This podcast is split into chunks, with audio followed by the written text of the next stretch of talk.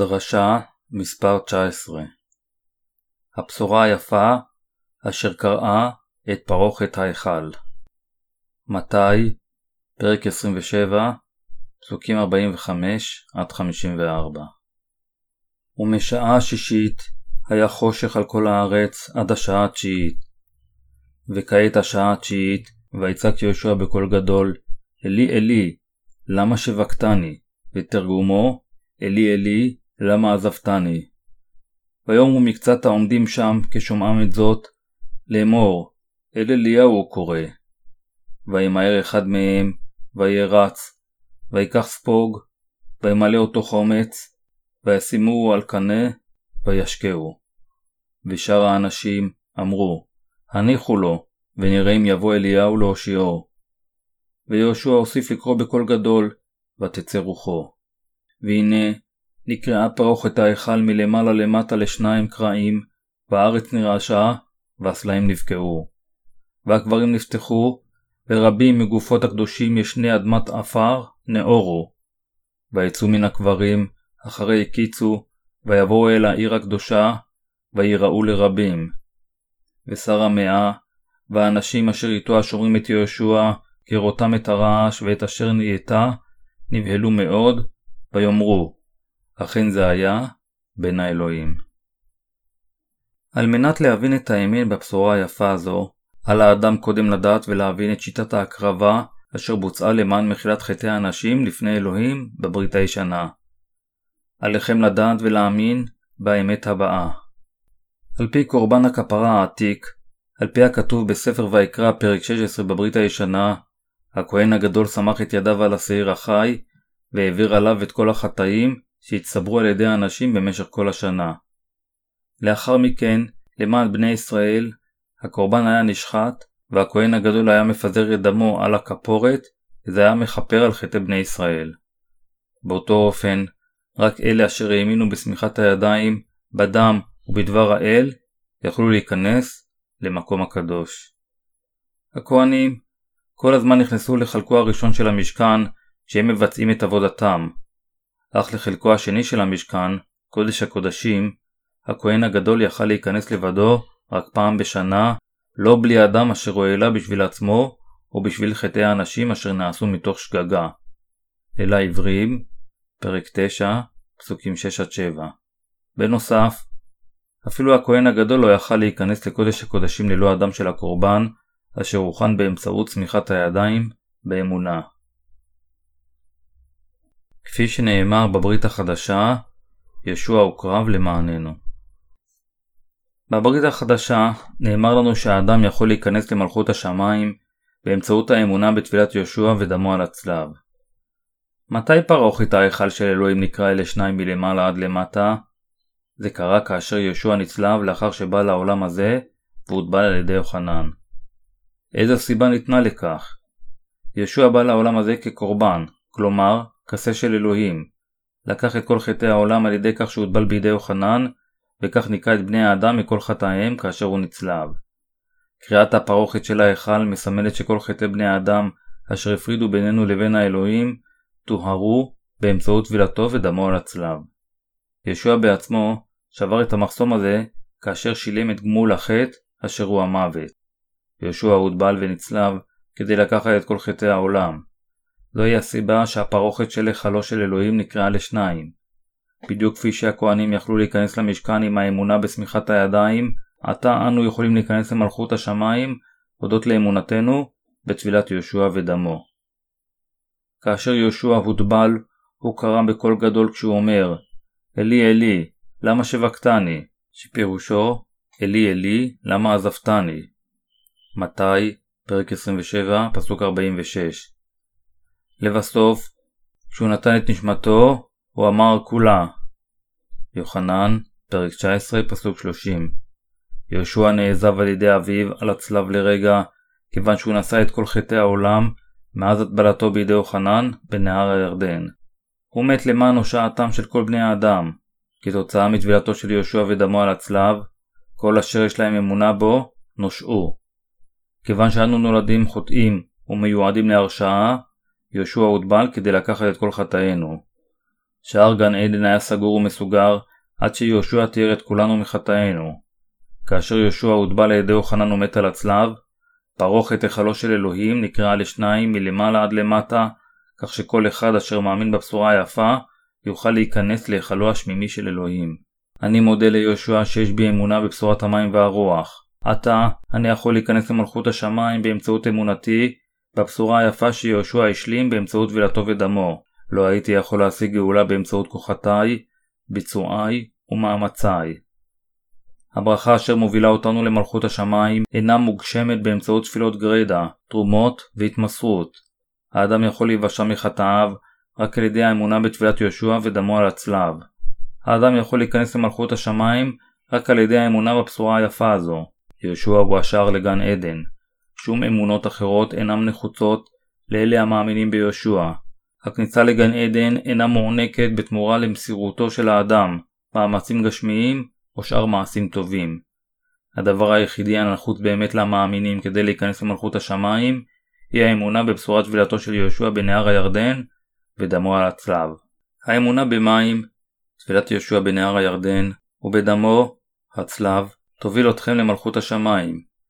האדם, אשר עדיין יש לו חטא בליבו אף על פי שהוא מאמין ביהושע, צריך להאמין בדבר אחד, בשורת המים והרוח. וידעתם את האמת, והאמת תשימכם לבני חורין.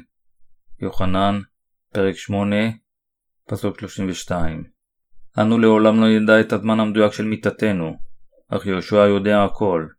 כיוון שהוא הכיר את טבענו החוטא בצורה כל כך טובה, הוא שטף את כל חטאינו באמצעות טבילתו ודמו על הצלב לפני בערך אלפיים שנה. אנו לעולם לא נדע את הזמן המדויק של מותנו, אך ישוע יודע הכל. כיוון שהוא הכיר את טבענו החוטא בצורה כל כך טובה, הוא שטף את כל חטאינו באמצעות טבילתו ודמו על הצלב לפני בערך אלפיים שנה. פרוכת ההיכל של האל נקראה כאשר ישוע הוציא את נשמתו על הצלב. המושיע נולד לבתולה כדי להושיע את בני האדם מחטאיהם. זה קרה באמצעות טבילתו בנהר הירדן בגיל 30, כשישוע לקח את כל חטאי העולם. כל חטאי בני האדם שנגרמו כתוצאה מחולשותיהם וחסרונותיהם, נמחלו הודות ליהושע. טבילתו ודמו הינם המפתחות הנצחיים לישועת כל בני האדם. ישוע הוטבל ודימם על הצלב, ועתה כל אלה אשר יש להם אמונה בבשורה הזו, יכולים להיכנס למלכות השמיים. פרוכת ההיכל של האל נקראה כאשר ישוע הוציא את נשמתו על הצלב. כיצד יכלה הפרוכת להיקרא לשניים כאשר ישוע מת על הצלב? הסיבה היא שישועת בני האדם הושגה על ידו בבשורה היפה. בברית הישנה אנו למדים על המשכן של ישראל, שם נמצא מזבח קורבן העולה והכיור. מעבר לכיור הזה היה המשכן, ובתוך המשכן, מאחורי הפרוכת, נמצא ארון הקודש, היכן שנוכחותו של האל וכבודו שכנו. הפרוכת נהרגה כל כך חזק שאפילו ארבעה סוסים, אשר מושכים מארבע קצותיה, לא היו יכולים לקרוע את האריג. אף על פי שהמלך שלמה החליף את המשכן עם בית המקדש, הצורה הבסיסית לא השתנתה, והפרוכת הייתה עדיין שם כשהיא חוסמת את הדרך לקודש הקודשים. בכל אופן, היא נקראה לשניים, מלמעלה למטה, כאשר יהושע מת, כשהוא מדמם על הצלב. זה מעיד על העובדה עד כמה יפה ומושלמת תהיה הבשורה אשר בוצעה על ידי טבילת יהושע ודמו. אלוהים בירך את כל בני האדם עם מחילת החטאים וחיים נצחיים כשהוא מחבק אותם עם הבשורה היפה. ישוע כקורבן שילם את מחיר החטאים כאשר הוא הוטבל על ידי יוחנן ומת על הצלב. תנ"ך אומר, שכר החטא הוא המוות. אל הרומים, פרק 6, פסוק 23. בדיוק כמו בזמן הברית הישנה, האדם יכל להיכנס לבית המקדש של האל עם דם הקורבן ולקבל מחילת חטאים.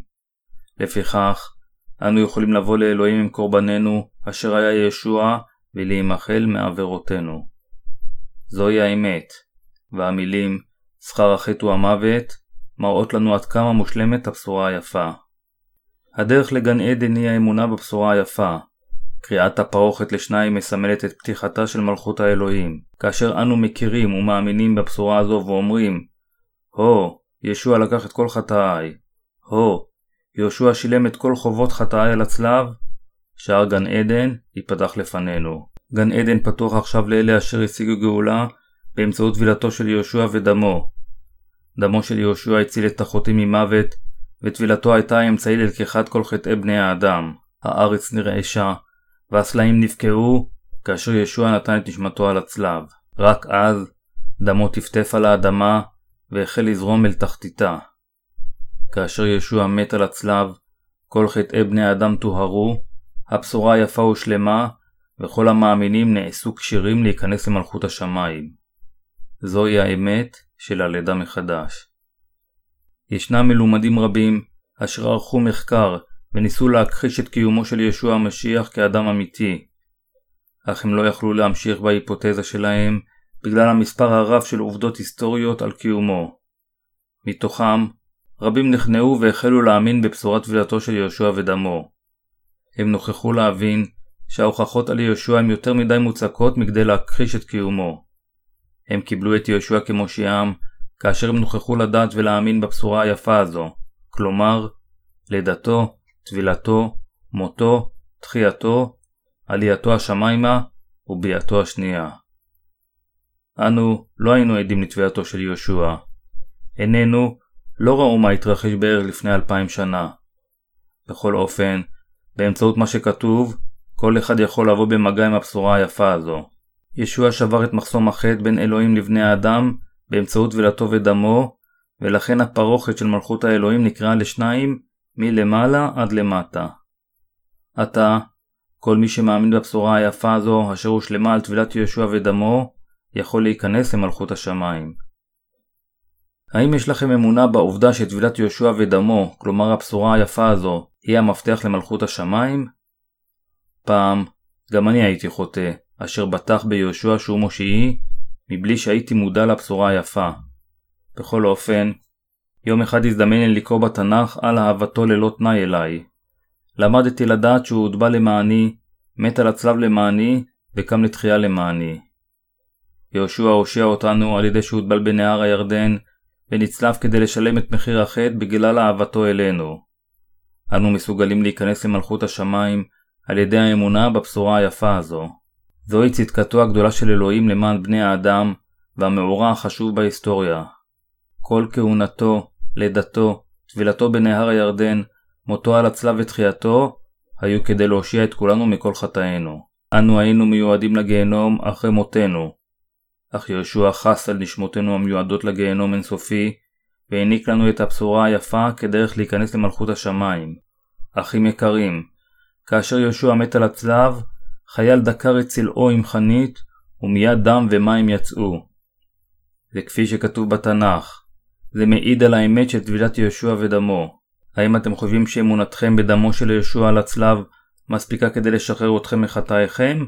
האם טבילת יהושע הינה לא משמעותית או רק דבר משני בגאולתכם? אם אתם מאמינים בכך, חזרו בתשובה בבקשה.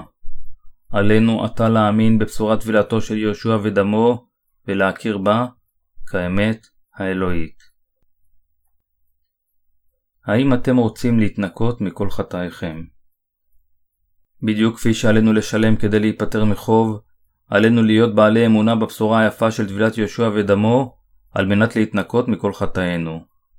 אל לנו לעשות את החטא של חוסר אמון בבשורת טבילת יהושע ודמו. אף על פי שלא העברנו בצורה ישירה את חטאינו על יהושע, מתווך בשם יוחנן המטביל עשה את המטלה הזו למעננו. כאשר יהושע מת על הצלב, מספר קברים של קדושים בירושלים נפתחו, ושלוש ימים לאחר מכן הוא קם לתחייה והלך לגליל. המאורע הנפלא הזה התרחש באמת, אך היו אנשים רבים אשר לא האמינו בכך.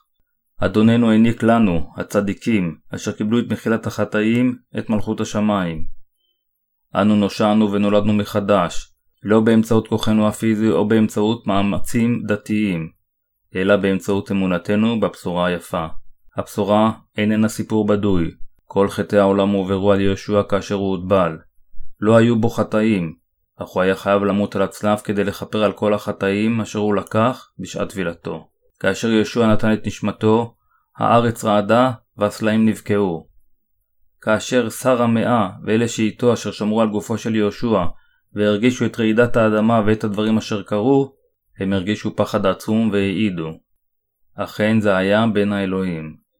מתי, פרק 27, פסוק 54. אדם עשיר מן רמתיים בשם יוסף, לקח את גופת יהושע, כרך אותו בסדין נקי, ושם אותה בקבר אשר חצב לו. הכהן הגדול והפרושים נתנו הוראות שהקבר יהיה סגור עד היום השלישי. בכל אופן, ישוע קם לתחייה כדי לתת חיים חדשים לאלה אשר מאמינים בבשורה היפה. הוא הלך לגליל היכן שהוא הבטיח לפגוש את השליחים לפני שהוא נצלב. כל הדברים הללו, לידתו, טבילתו, צליבתו, תחייתו, עלייתו לשמיים והופעתו השנייה, כוונו אל אלה אשר מאמינים בבשורה היפה.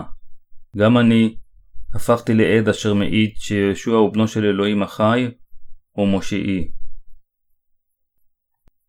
על ידי מי הבשורה האמיתית מוטפת.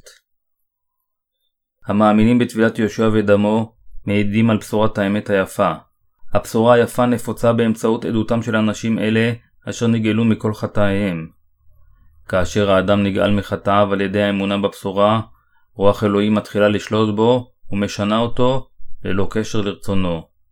הנשמה אשר זוכה בדברי האל ממשיכה לשנות ברציפות את האדם הצדיק, נותנת לו אפילו אמונה חזקה יותר, וכך מביאה אותו להלל את ישוע. דבר האל נשאר בו, וכתוצאה מכך הוא מתנשא בהתחדשות פנימיותו יום אחרי יום. כשרואים אותו משתנה כך, האנשים מעידים. הוא באמת אדם אשר נגאל, הוא הפך לנוצרי אמיתי ולילדו של אלוהים.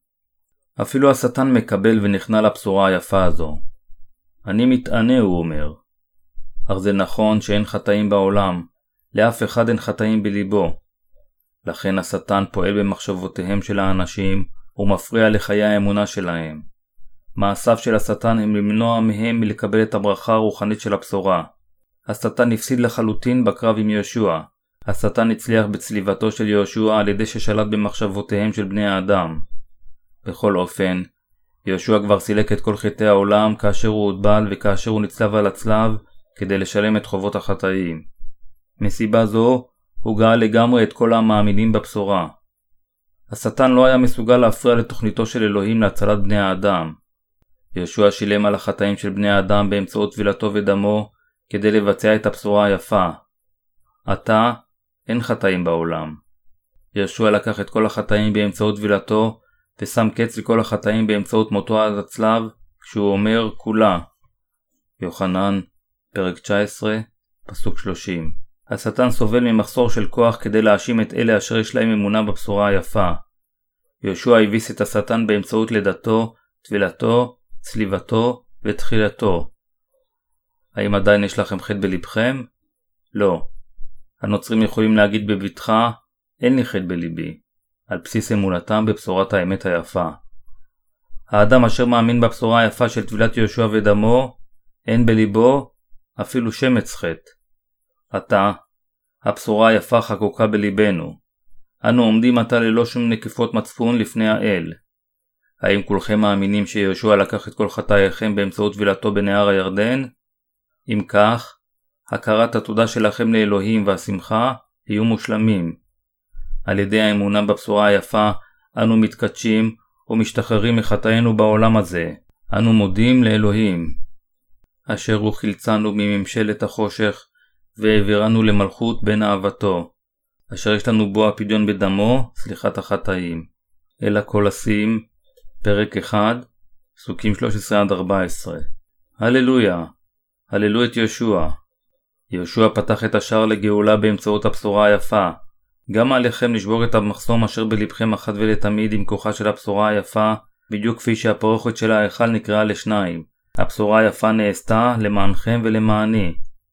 אנו יכולים להיכנס למלכות השמיים על ידי האמונה בבשורה הזו, וזוהי האמת המוחלטת אשר מאפשרת לנו להשיג את שכינתה של רוח הקודש.